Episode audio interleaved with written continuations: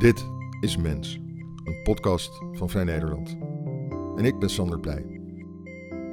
Maar nu in onze samenleving is het nog best wel vaak dat wanneer je het ergens over hebt, uh, of het nou uh, IVF-baby's zijn of uh, kweekvlees, dat mensen op een bepaald moment zeggen: nee, dit is niet natuurlijk. en dan zit daar vaak ook een ethische component aan. Kurt van Mensvoort is oprichter van het Next Nature Network. En het Next Nature Network doet uitvindingen zoals, let op, een kunstmatige baarmoeder, een uitzendbureau voor robots, een nano-supermarkt en last but not least, een kweekvleeskookboek met daarin heus kweekvlees-ijs. Ik dacht, dat lijkt mij vooral een beetje een fancy gedoe met mensen die een beetje willen opvallen met laten zien van wat er allemaal wel niet mogelijk is met de techniek en oh wat leuk allemaal.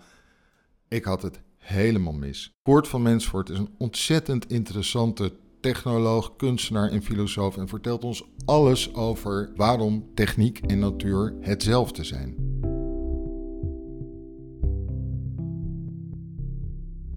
Zou je ons eerst even kunnen vertellen waar je vandaan komt? Iets over jezelf? Um, ja, zeker. Uh, nou ja, in de notendop. Ik ben opge opgegroeid in het zuiden van het land. Allebei mijn ouders werkten bij Philips. Uh, als tiener was ik uh, videogame-programmeur. Dus ik was echt wiskid. Dat was heel leuk. Dat verdiende ook meer dan een krantenwijk. Uh, dus ik kon uh, redelijk goed programmeren. En zodoende ben ik informatica gaan studeren. Dat ging ook heel goed. Alleen daar miste ik een beetje het visuele creatieve. Ik wilde op een gegeven moment toch echt wel ook Picasso worden. Uh, en ging schilderen en dus naar de kunstacademie. Toen had ik ontdekt dat ik ehm, met één keer collegegeld betalen kon ik op meerdere studies inschrijven. Dus toen dacht ik, hé, hey, maar dan wil ik ook nog filosofie erbij. Dus zodoende heb ik een paar jaar, ik denk twee jaar lang of drie jaar lang, heb ik op drie studies ingeschreven gestaan. En de kunstacademie heb ik afgemaakt, informatica heb ik ook afgemaakt, filosofie uiteindelijk niet, omdat ik op een gegeven moment heb je genoeg gestudeerd. Um, als denk ik 25, 26-jarige had ik, was ik zo'n beetje klaar met studeren en ik was eigenlijk all over the place, interested in everything and nothing else. En ja, wel altijd op een verjaardagsfeestje, als je mensen dan vragen, wat doe je dan? Ja, ben je eigenlijk, ja, je bent uh, programmeur, uh, kunstenaar, ook nog een beetje filosoof. Mensen denken, oh, nou, dat is, uh, die weet echt niet wat hij wil, die jongen. Um, maar ja, ik, ik vond het ook wel, ik was wel geïnspireerd door types als Leonardo da Vinci en ook oude Grieken, die gewoon dachten, ja, ik wil gewoon interessant leven en ik wil me bezighouden met de, uh, met de interessante vragen. Maar je moest jezelf uh, gaan beperken, je moest een, een kaders gaan stellen. Ja, ik, ik, weet niet of het moest, maar het, is wel, het is wel gebeurd, maar dat is meer ontstaan omdat ik op een gegeven moment wel op zoek was naar iets. Ja, en toen ook zelf een beetje werd overvallen door, door een inzicht waar, waarvan ik dacht, ja, dit is, zo, dit is zo belangrijk. Dit is het grote verhaal in deze tijd. Hier moeten we het over hebben. Toen heb ik wel op een bepaald moment besloten van... oké, ik ga nu alleen nog maar projecten doen... die daar op de een of andere manier mee te maken hebben. Eigenlijk vind je dan je kweesten, hè? Vertel het nou maar. Ja, ik, ik had het inzicht, dus wat nu bekend staat als Next Nature, um, dat natuur en technologie niet tegengesteld zijn. Maar dat, uh, uh, en dat niet alleen maar we met onze technologie de natuur knechten en naar onze hand zetten. Maar dat tegelijkertijd die technologie ook vaak ja, wild en onvoorspelbaar wordt en ons boven het hoofd groeit. En in feite ook de next nature wordt. En dat we dus natuur ook niet moeten zien als iets statisch, wat ooit af was uh, en, en ja, dat, dat we nu moeten vasthouden. Of dat we als mensen alleen maar bederven. Maar dat natuur ook dynamisch is en dat evolutie doorgaat. En dat, uh, dat die technologie die wij maken, dat dat ook de natuur transformeert. Dat is een beetje in notendop uh, ja, de next nature filosofie. Um, Bedoel je dat natuur ook een, een een soort een, menselijke constructie is van wat wij tegenkomen aan levens om ons heen. En dat noemen, hebben wij maar, dat noemen wij natuur. Alleen nu zeg je eigenlijk dat alle natuur cultuur is. En zo kun je het zien. Um, dit is een beetje het postmodernistische uh, beeld van, ja, zodra we naar natuur kijken, doen we dat al door een culturele bril. Dus ja, eigenlijk bestaat er alleen maar cultuur. Um, ja, tegelijkertijd kun je het ook precies andersom beweren en zeggen van, ja, de mens komt voort uit de natuur, het hele universum is de natuur. Als een vogel een nestje bouwt, is het natuur. Als een mens een flatgebouw neerzet, is het ook natuur. Dus je kunt ook zeggen, er is alleen maar natuur. Dus beide argumenten gelden eigenlijk. Dat je kunt zeggen, alles is cultureel of juist alles is natuurlijk. Maar ook een tikje onbevredigend, omdat je daarmee ook dat onderscheid ontkent. Terwijl mensen te pas en te onpas wel dat onderscheid maken. Wat is het nadeel en, en de manifestatie van dat onderscheid? Hoe, ja, hoe, hoe, wat betekent, wat, kun je een voorbeeld geven van hoe mensen natuur en techniek te veel als twee totaal verschillende fenomenen? Nu in onze samenleving is het nog best wel vaak dat wanneer je het ergens over hebt, uh, of het nou eh, IVF-baby's zijn of uh, kweekvlees, dat mensen op een bepaald moment zeggen: nee, dit is niet natuurlijk. en dan zit daar vaak ook een ethische component aan. Um, of juist dat iets heel erg omarmd wordt, omdat het natuurlijk is. Dus het wordt heel erg, op die manier speelt het een hele grote rol in onze samenleving. En wat ik heb gedaan is eigenlijk zeggen van ja, we willen allemaal de natuur redden en meer in balans komen met de natuur en in harmonie komen met de natuur. Maar wat is nou eigenlijk ons beeld van natuur en hoe ontstaat dat? Uh, met die vraag ben ik eigenlijk uh, ben ik begonnen. En dan zie je dat dat beeld, dat dat ook verschuift in de tijd. Kun je er iets over vertellen? Over hoe het verschuift? Ja, ik denk dat het. Uh, uh, het woord natuur komt van het Latijnse natura. En dat heeft de associatie met geboorte. En ik denk dat we nu komen uit een tijd waarin we natuur zien als ja, alles dat geboren of ontstaan is. Uh, denk aan planten, dieren, het klimaat. Was altijd gewoon ja, natuurlijk. Nu beïnvloeden we het. het universum zijn allemaal natuurlijke uh, fenomenen. Ja, en, en alles wat cultuur is, dat is dus wat de mens schept. Dat is een beetje het populaire onderscheid. Alleen nu leven we in een tijd dat we zo diep ingrijpen op die ja, geboren wereld. Uh, we, we, beïnvloeden het klimaat. Ehm, we, we, we, kweken allerlei uh, nieuwe bloemen, we kweken ook nieuwe dieren, we grijpen in op, de, op celniveau in de biologie. Dus die geboren wereld, die wordt ook heel erg technologisch. Je ziet dat de biologie wordt eigenlijk technologie, voor een deel. En tegelijkertijd is dus dat andere verhaal, dat ook die technologie, dat die, die wordt vaak wild en onvoorspelbaar. Omdat die, die ja, we kunnen niet eens het fileprobleem oplossen. Uh, laat staan dat uh, het financiële systeem, ja, wij hebben het gemaakt, het is een gemaakte wereld, maar wie controleert dit? Wie, wie heeft hier de controle? Het lijkt ook een soort natuurlijke dynamiek te krijgen, dat soort systemen. Dus denk aan computervirussen, de groei van steden, het filoprobleem, financiële systeem, kunstmatige intelligentie. Dat soort fenomenen zijn ook allemaal in onze wereld. En wat ik nou eigenlijk zeg is dat ja, misschien moeten we alles wat autonoom groeit natuur gaan noemen. Um, zelfs sommige dingen die we zelf hebben gemaakt, maar die wel weer ja, een next nature worden. Wat gebeurt er dan als we zo gaan kijken? Uh, ik denk dat we het heel hard nodig hebben om uh, ja, belangrijke kwesties die, we spe die er spelen, zoals klimaatverandering, ontbossing, teruglopen aan biodiversiteit, maar ook de omgang met nieuwe soorten, zoals kunstmatige intelligenties. Um, om dat in goede banen te leiden, moeten we eerst onze omgeving anders zien. En ik hoop ook dat, dat die Next Nature filosofie dat die daarin helpt. Voor mijzelf helpt het. Ik snap heel veel dingen uh, eigenlijk ja, vaak meteen vanuit dat perspectief. Dat ik denk, ja, inderdaad, dit is nu aan de hand. Uh, waar andere mensen zeggen van, waarom gebeurt dit? Kun je nog een, een, een, een concreter voorbeeld noemen van uh, wat helpt dit inzicht ons om over de financiële sector na te denken, bijvoorbeeld? Ja, zeker, ja. Nou ja, die financiële sector. Kijk, wij hebben dat gemaakt en daar zitten we met committees en met belangen zijn we dat aan het, ja, aan het besturen. En um, ja, we hebben dat in de hand. Nou, inmiddels sinds de crisis in 2008 weten we dat we dat echt, echt niet altijd in de hand hebben. Um, en dan is bijvoorbeeld een vraag, als je daar vanuit een Next Nation bril naar kijkt. Oké, wat kunnen al die bankiers nou nog leren van boeren? Want boeren die zijn gewend om met um, ja, eigenlijk semi-autonome ecologieën, zoals het klimaat, het weer. Je weet van, hé, hey, ik, ik werk er wel mee, maar ik kan het klimaat en het weer niet helemaal controleren. Maar ik kan als boer daar wel een bepaalde handelingsperspectief in vinden. En dan, dan doe ik dat. Maar ik ben ook afhankelijk. Dat is een wat andere mentaliteit dan die we gewend zijn uh, in de financiële sector. Waar we zeggen we moeten alles controleren en we moeten alles snappen en alles in blueprints. En dan gaat het ook zo gebeuren. Nee, helemaal niet. Je kunt daar veel meer, we zullen daar veel meer in moeten improviseren. Net zoals dat een boer dat doet.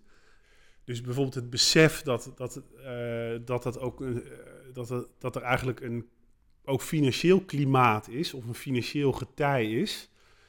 Um, ja, met dijken hebben we bedacht hoe wij omgaan met het, met het getij en dat we weten het water staat soms hoog en soms staat het laag. In die financiële wereld eh, is dat denk ik ook heel legitiem om er op die manier over na te denken. En hoe sterk wil je dan dat een bank is? Als je het vergelijkt met, een, met hoe sterk wil je dat een dijk is? Maar uh, ja, klimaatverandering, dat is deels uh, natuurlijk uh, in de traditionele of in de ouderwetse zin. En het is deels door ja. mensen bepaald. Maar als wij dit nu gaan opvatten als een meer natuurlijk autonoom proces, ja. dan hoeven we er misschien ook niet meer zoveel aan te doen. Precies, dat klopt. Daar heb je helemaal gelijk in. Want dat, dat, en dat is niet wat ik wil. Um, maar dat, dat, dat kun je wel gaan denken van, och, het is allemaal die next nature, we hoeven helemaal niks meer te doen. Laat maar wapperen, laat maar waaien. Um, ja, als je dan kijkt hoe de mens vanaf de allereerste dag dat we mens zijn met de natuur is omgegaan, dan hebben we dat natuurlijk helemaal nooit gedaan. We proberen altijd de natuur, uh, we proberen ons, te, uh, ja, die natuur ook als een soort sparring partner in ons bestaan uh, proberen we ook die natuur naar onze hand te zetten. En juist ook ons te beschermen tegen de wilde natuurkrachten. En dat geldt zowel in die oude natuur, al vanaf dag één, en ook in die next nature. Dus het is zeker geen appel om alles maar uh, lekker te laten lopen. Um, alhoewel je ook gelijk hebt dat flexibel zijn tegenover bepaalde natuurkrachten kan ook wijs zijn. Kun je iets vertellen over hoe het uh, Next Nature Network, uh, want we zijn er nu eigenlijk aangekomen. Hoe begon het precies? Het begon eigenlijk met, uh, met mijn brainwave van wat, de Next Nature. Jeetje, dit is zo'n belangrijk verhaal. En ook meteen het besef van, oh, dit is, dit is zo groot. Het is natuurlijk veel, veel te groot voor mij. Dus dit moet, moet ik met anderen gaan doen. Um, een van de eerste dingen die we hebben gedaan was in 2005 hebben we een groot event in Paradiso hier in Amsterdam uh, georganiseerd. In de grote zaal, de Next Nature Power Show. En aan het einde van de avond was een uitverkochte zaal en het was een, uh, een succesvol event. Maar ik dacht nog wel van, hey, ging dit nou al over die Next Nature? Want het ging ook wel toch nog net iets te veel over ja, plastic bloemen en uh, dat soort dingen. Terwijl dat vond ik niet helemaal waar het over moest gaan. Maar dat was wel een eerste stap. Dus meteen met een, met een community van mensen daaraan werken. Daarna gingen we online gingen we bloggen, ook met wat, uh, wat mensen. En op een gegeven moment, na een aantal jaren, als je dat dan serieus doet... want ik had mezelf gecommitteerd om iedere dag iets daarover te bloggen. En soms is het interessant. Soms is het een beetje plat en oppervlakkig. Want ja, je moet iedere dag wat doen. Maar als je dat een paar jaar doet, dan heb je toch een heleboel uh, inzichten verzameld. En het werd ook heel goed gelezen wereldwijd. Zo ontwikkelde het zich door. Toen kwam er een boek. Uh, toen kwamen er andere projecten. Het is een soort boom eigenlijk die groeit. Je hebt een soort twijgje en dat geeft je steeds water. En dan groeit die boom. Op een gegeven moment ontstaat er fruit aan die boom. Dat zijn dan ja, meer losse projecten. En die boom is naar mijn idee nog steeds aan het groeien. Uh, ik ben benieuwd hoe die er over uh, tien jaar voor staat. De natuur doet het heel goed voor metaforen. Hè? De, wat, uh, wat is Next Nature Network nu? Ja, we zijn nu, nou, ik denk het internationale netwerk voor iedereen ja, die wil meepraten over die, die versmelting eigenlijk van, van natuur en technologie die gaande is. op een gegeven moment heb ik ook gezien met een aantal mensen van, hé, hey, wacht even, er zijn allemaal natuurbewegingen, natuurorganisaties. En die doen hele verschillende dingen. Dus bijvoorbeeld natuurmonumenten doet het landschap, uh, verzorgen ze heel goed in Nederland. Uh, Greenpeace is meer activistisch. Uh, Wereld Natuurfonds let op kwetsbare dieren in verre landen. Het lijkt alsof ze de taart heel mooi verdeeld hebben. Maar ik besefte op een gegeven moment ook van, wacht even, in de politiek kan ik kiezen tussen conservatieve partijen en progressieve partijen. Maar in de natuurorganisaties, aan het einde van de dag, is iedereen gewoon diep conservatief. Terug naar de wereld die vroeger beter was. Eh, ja, wij moeten nu die stem worden die een progressief er natuurgeluid laat horen. Jullie hebben een krantje gemaakt en daarin staan een paar projecten. Ik zag iets staan over een, een broedkamer. Wat, was dat? Uh, ja, dat is een van. Dat is een uh, nieuw onderzoeksproject uh, dat we doen naar de artificial womb, de, de kunstmatige baarmoeder. En dat is weer echt zo'n voorbeeld van een project dat, we, ja, dat wij nu beginnen, terwijl iedereen nog denkt van, ja, hoezo, waarom moeten we het daarover hebben? dus we zijn er vroeg bij, we lopen een beetje voor de troepen uit. Maar ja, wij zeggen wel van, oké mensen, de kunstmatige baarmoeder komt eraan. Wat vinden we daarvan? Um, het is namelijk zo dat uh, vroeggeboren kinderen die kunnen ja, al steeds vroeger gered worden. Dus vroeger was dat 26 weken en dat is nu al 23. En het gaat steeds eerder dat een vroeggeboren kindje in leven gehouden kan worden. En ja, dan is het ook nog zo aan de andere kant dat, dat een vrucht kan ook heel laat worden uh, in de baarmoeder ingeplant worden. Uh, dus daar zit nu nog maar drie weken tussen. Uh, tussen uh, de, de, de IVF-technieken waarbij we um, ja, het eitje implanten in een baarmoeder en een heel vroeg geboren kind. dus, dus dat is ook een, het is een beetje theorie. Maar ja, je ziet, daar zitten nog maar een paar weken tussen. Dus wat als die weken er niet meer tussen zitten? Daar praten wij dan ook over met gynaecologen. En die zeggen ook, ja, nee, ja, inderdaad, op een gegeven moment zit dat niet meer tussen. Dan hebben we in theorie hebben we niet meer een vrouw met een baarmoeder nodig. En dan zeggen wij meteen, maar wat betekent dat dan voor een samenleving? Is dit nou, um, is dit nou goed of slecht? Is dit nou eigenlijk een feministisch project? Of juist het tegenovergestelde? Uh, dus dan beginnen wij die discussie over ja, de kunstmatige baarmoeder. Hoe ziet dat eruit? Jullie, jullie, maken jullie ook zo'n zo'n baarmoeder? Ja, we werken wel met, uh, met wetenschappers uh, en gynaecologen. Uh, dus we hebben heel duidelijk contact met, met Maxima, Maxima Medisch Centrum, waar dit onderzoek wordt gedaan. En ook met de Technische Universiteit Eindhoven. Um, en wat wij vaak doen in het Next Nature Network met het team is de visualisaties. Dus dan, wat wij nu hebben gemaakt is een, is een opstelling waarbij je ziet van, oh zo zou dat eruit kunnen zien als je de baarmoeder buiten het lichaam uh, plaatst. Um, ja, en het zijn nu een soort ronde, uh, ja, ballonachtige bollen, waarvan mensen dan ook steeds vragen van, hey, kan ik er niet in kijken? Nee, dat kan niet. Dat zou je wel willen, maar dat is voor het kind helemaal niet uh, goed. Dus het wordt dan ook wel goed doorzocht van, ja, hoe zou zoiets eruit gaan zien?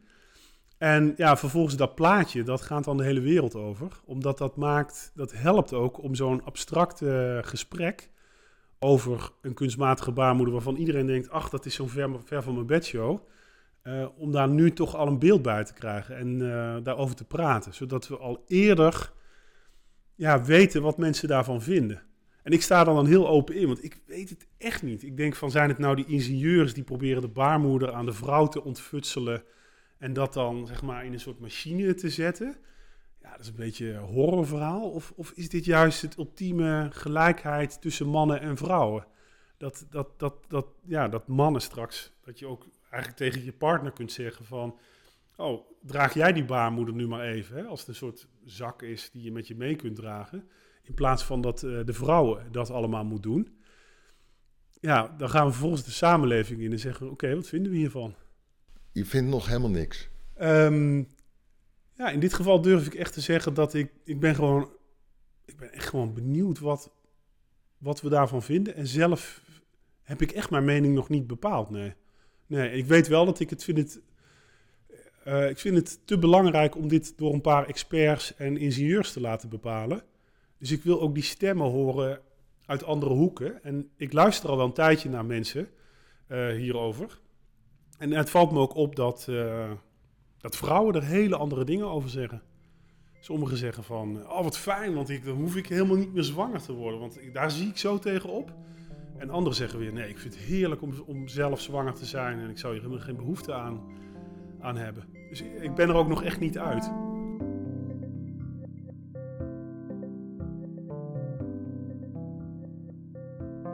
Kun je, kun nog zo'n project noemen waar je mee bezig bent? Uh, een heel vergelijkbaar project, dat ook een beetje die controversiële kant heeft, is ons kweekvleesonderzoek.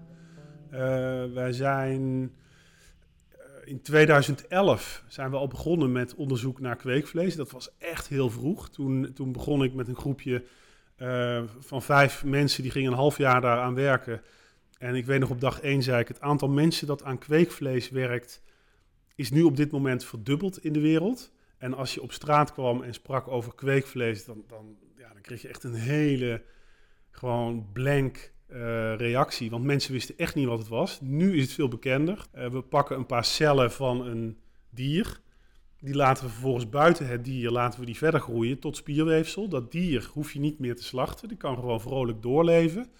Um, het is ook duurzamer. Het kost minder energie en het is minder vervuilend. Uh, en op die manier groei je dan je, ja, je, je, spierweefsel in een stukje vlees en wellicht die oude vertrouwde hamburger.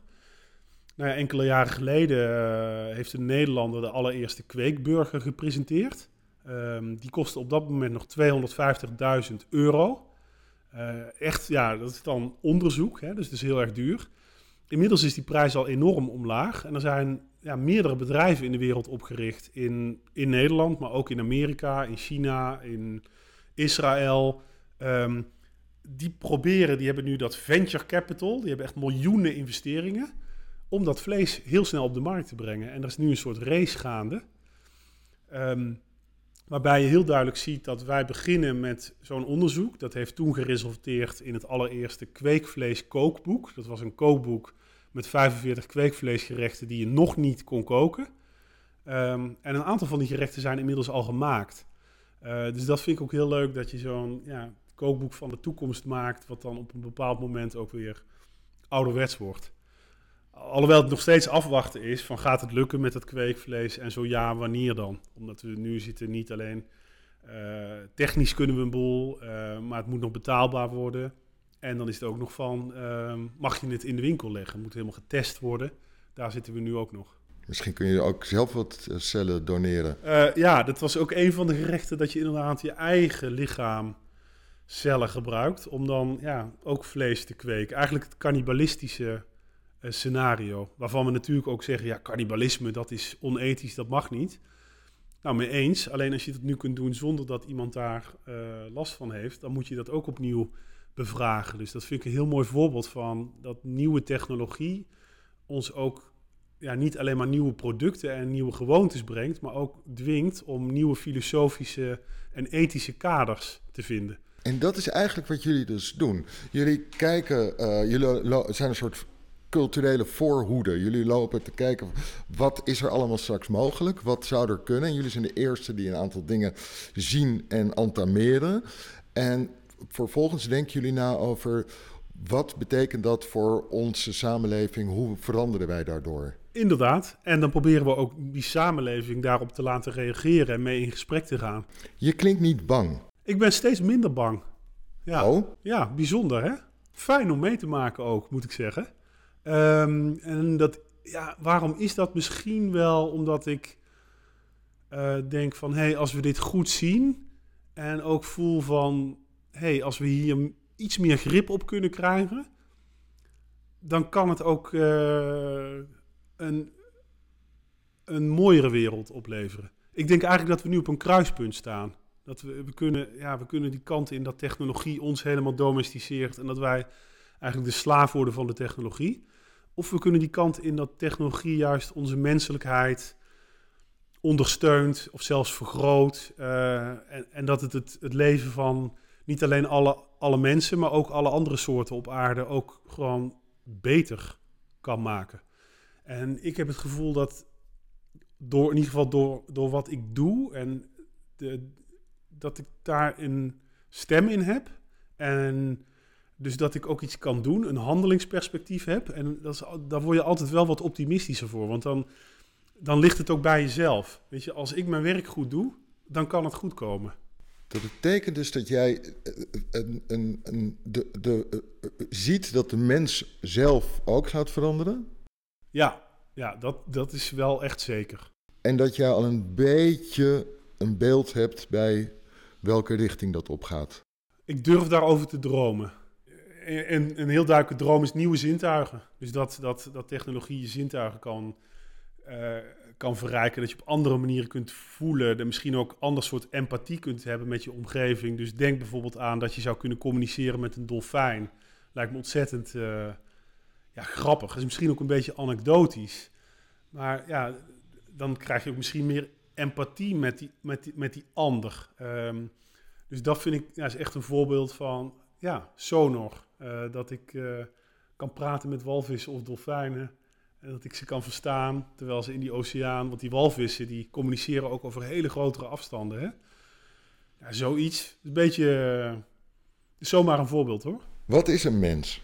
Ja, wij zijn die gekke diersoort die ergens lange tijd in het midden van de voedselketen bungelde en ook niet zo heel belangrijk was. Maar op een gegeven moment is er iets gebeurd waardoor we met onze verbeelding en inventiviteit uh, zijn we die wereld naar ons hand gaan zetten. Dus ik denk, wij zijn, de, wij zijn die makende, dat makende dier dat de inventiviteit op de omgeving uh, projecteert.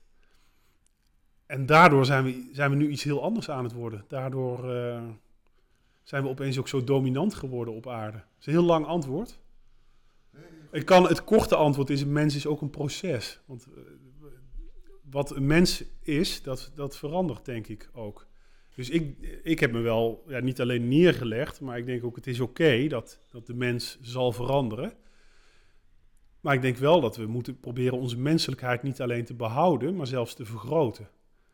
Wat is de mens? Is er nou dat we gaan, als er straks hybrides ontstaan, dan ja. wat is nou het, het menselijke? Ja, ik, ik, eigenlijk is die vraag door mij niet te beantwoorden, omdat ik denk dat wij die met alle mensen op aarde samen beantwoorden. Door ons gedrag.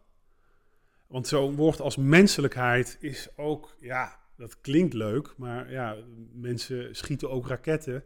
En, de mens is verschrikkelijk.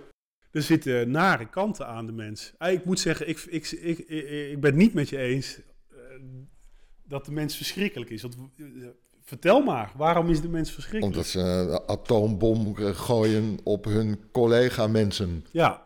Ja. ja, dat is een van de, nou laat ik zeggen, ja, uh, mindere kanten van de mens. Maar om dan te zeggen, de mens is verschrikkelijk, is voor mij echt een brug te ver. Omdat ik vind dat toch een, dat we ook een schitterend en ongelooflijk bijzonder wezen zijn in de, ja, in de verschijning, in de natuur. Ja, dat vind ik ook van de plaattypes. Uh, ja. Nee, is ook zo, maar nou ja, die, uiteindelijk aan het einde van de dag komt erop neer van zou de aarde beter af zijn als de mens er niet op zou zitten? Ik denk dat heel veel mensen deze vraag beantwoorden met ja. Ja, ik denk ook dat heel veel mensen die vraag beantwoorden met ja. En toch beantwoord ik hem met nee.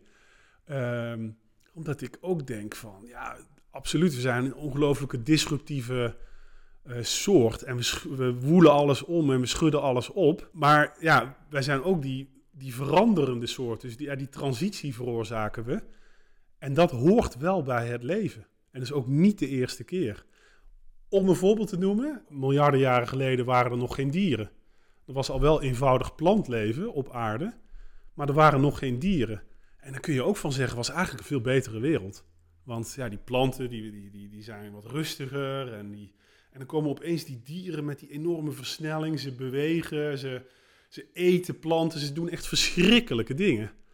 Um, dus op dat moment is dat ook een disruptie. En nu denk ik toch, als ik kijk, een, aarde met planten en dieren en dan liefst nog allerlei soorten dieren, vind ik mooier dan een aarde met alleen maar planten. Of als je nog verder teruggaat, een aarde met alleen maar rotsen. Daar zit een paradox. De mens is een. Je, je beschrijft de mens als een schitterend experiment. dat de, de, een, een makend beest is, dan zit er een soort vertrouwen in dat het goed komt. Wat suggereert dat er in dat experimenteren en dat maken en maar gaan en ontdekken, toch een soort van doel zit. Ja, oké. Ja.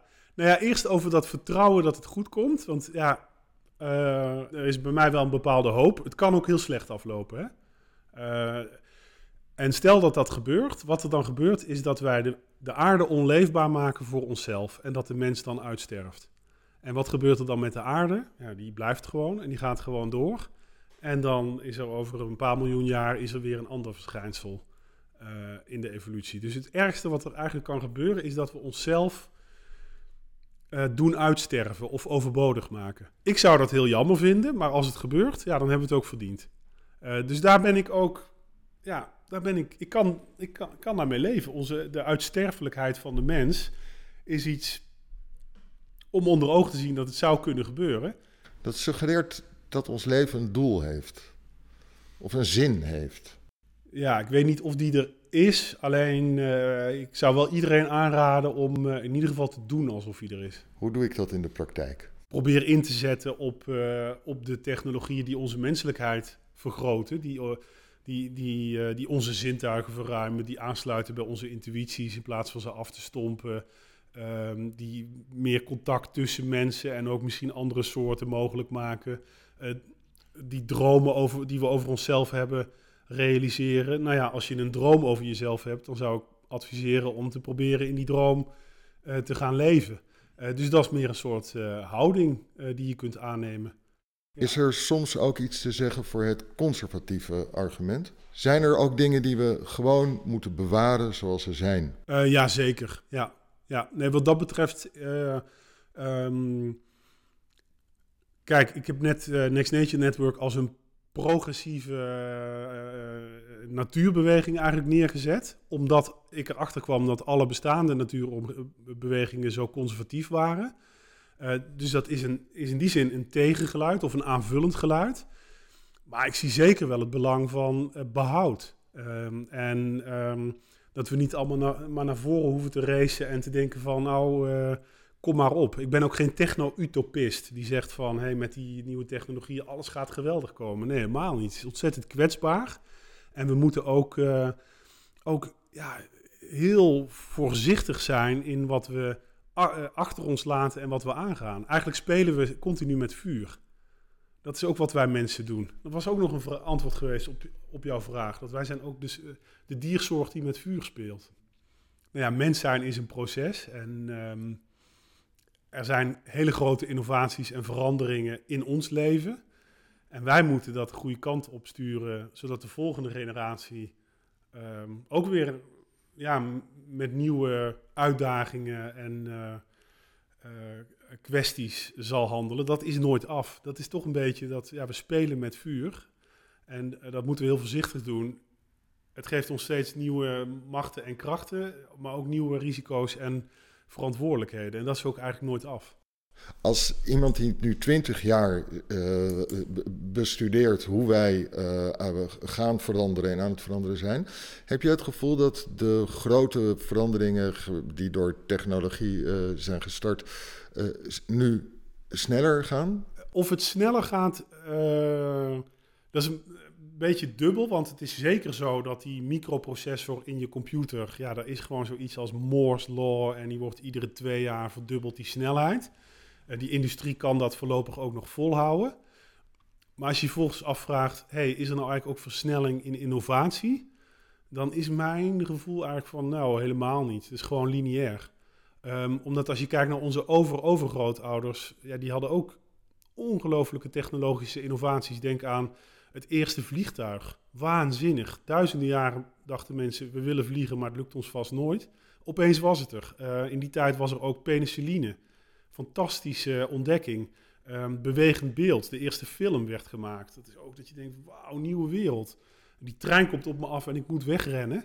Hè, in die, uit die film van de Lumière uh, broers. Dus in die tijd waren er ook fantastische innovaties. En nu ja, iedere lente een nieuwe telefoon, is het is het innovatie of is het gewoon ja, een soort technologische verandering? En dat, dat, moeten we denk ik wel uh, genuanceerd naar kijken. Want zoveel innovatie maak je eigenlijk helemaal niet mee in je leven. Soms zie je, denk je zelfs dat, het, dat dingen minder snel gaan. De eerste uh, auto's die waren binnen tien jaar veranderden die het straatbeeld. Terwijl ik weet niet of de eerste elektrische auto's dat ook binnen tien jaar gaan doen. Nee, nee, inderdaad. Dat is waar. Ja, en er zijn ook hele, hele domeinen waar je zelfs uh, stagnatie ziet. Dus wij, wij leven in die tijd waarin dus ja, de, digitale wereld en de informatietechnologie, dat stijgt echt op. Op een gegeven moment komt dat ook op een plateau, denk ik. Maar als je kijkt naar in de jaren 70 van de vorige eeuw, toen dat was de Space Age. Uh, ja, toen brachten we mensen naar de maan. Nu, uh, er wordt hard aan gewerkt, maar het kan zijn dat er straks gewoon geen enkel mens meer leeft die op de maan is geweest. Want al die maanbezoekers, uh, die zijn inmiddels stok oud. dus daar zie je niet dat dat, dat, dat enorm opstijgt en snel gaat. Wat dat betreft hebben we ook nog wel tijd en rust om gewoon te kijken van... Ja, we maken een boel mee, maar je moet niet alleen die kleine golfjes zien... maar juist die grote golfbewegingen proberen uh, te zien en daar goed op te surfen. Even een uh, simpele reclameboodschap voor het Next Nature Network. Mensen die dat willen gaan, gaan zien en erop willen mee gaan surfen. Ja, je kunt je aansluiten, dan word je lid, kost 25 euro... Uh, nou, wij, wij verdienen er eigenlijk geen geld op, kost alleen nog maar geld. Maar ik vind het heel belangrijk om, om mensen eh, te verbinden rondom die thematiek. Uh, ja, en om dat gesprek te voeren. Dat wij samen die andere stem zijn in, hey, natuur is niet statisch, maar ook dynamisch. Ja, er gaat veel veranderen. En laten we samen proberen daar een goed pad in te vinden. Kort, heel erg bedankt. Het was een mooi gesprek en ik denk dat we alle uh, bouwactiviteiten om ons heen best hebben kunnen overstemmen. Dankjewel.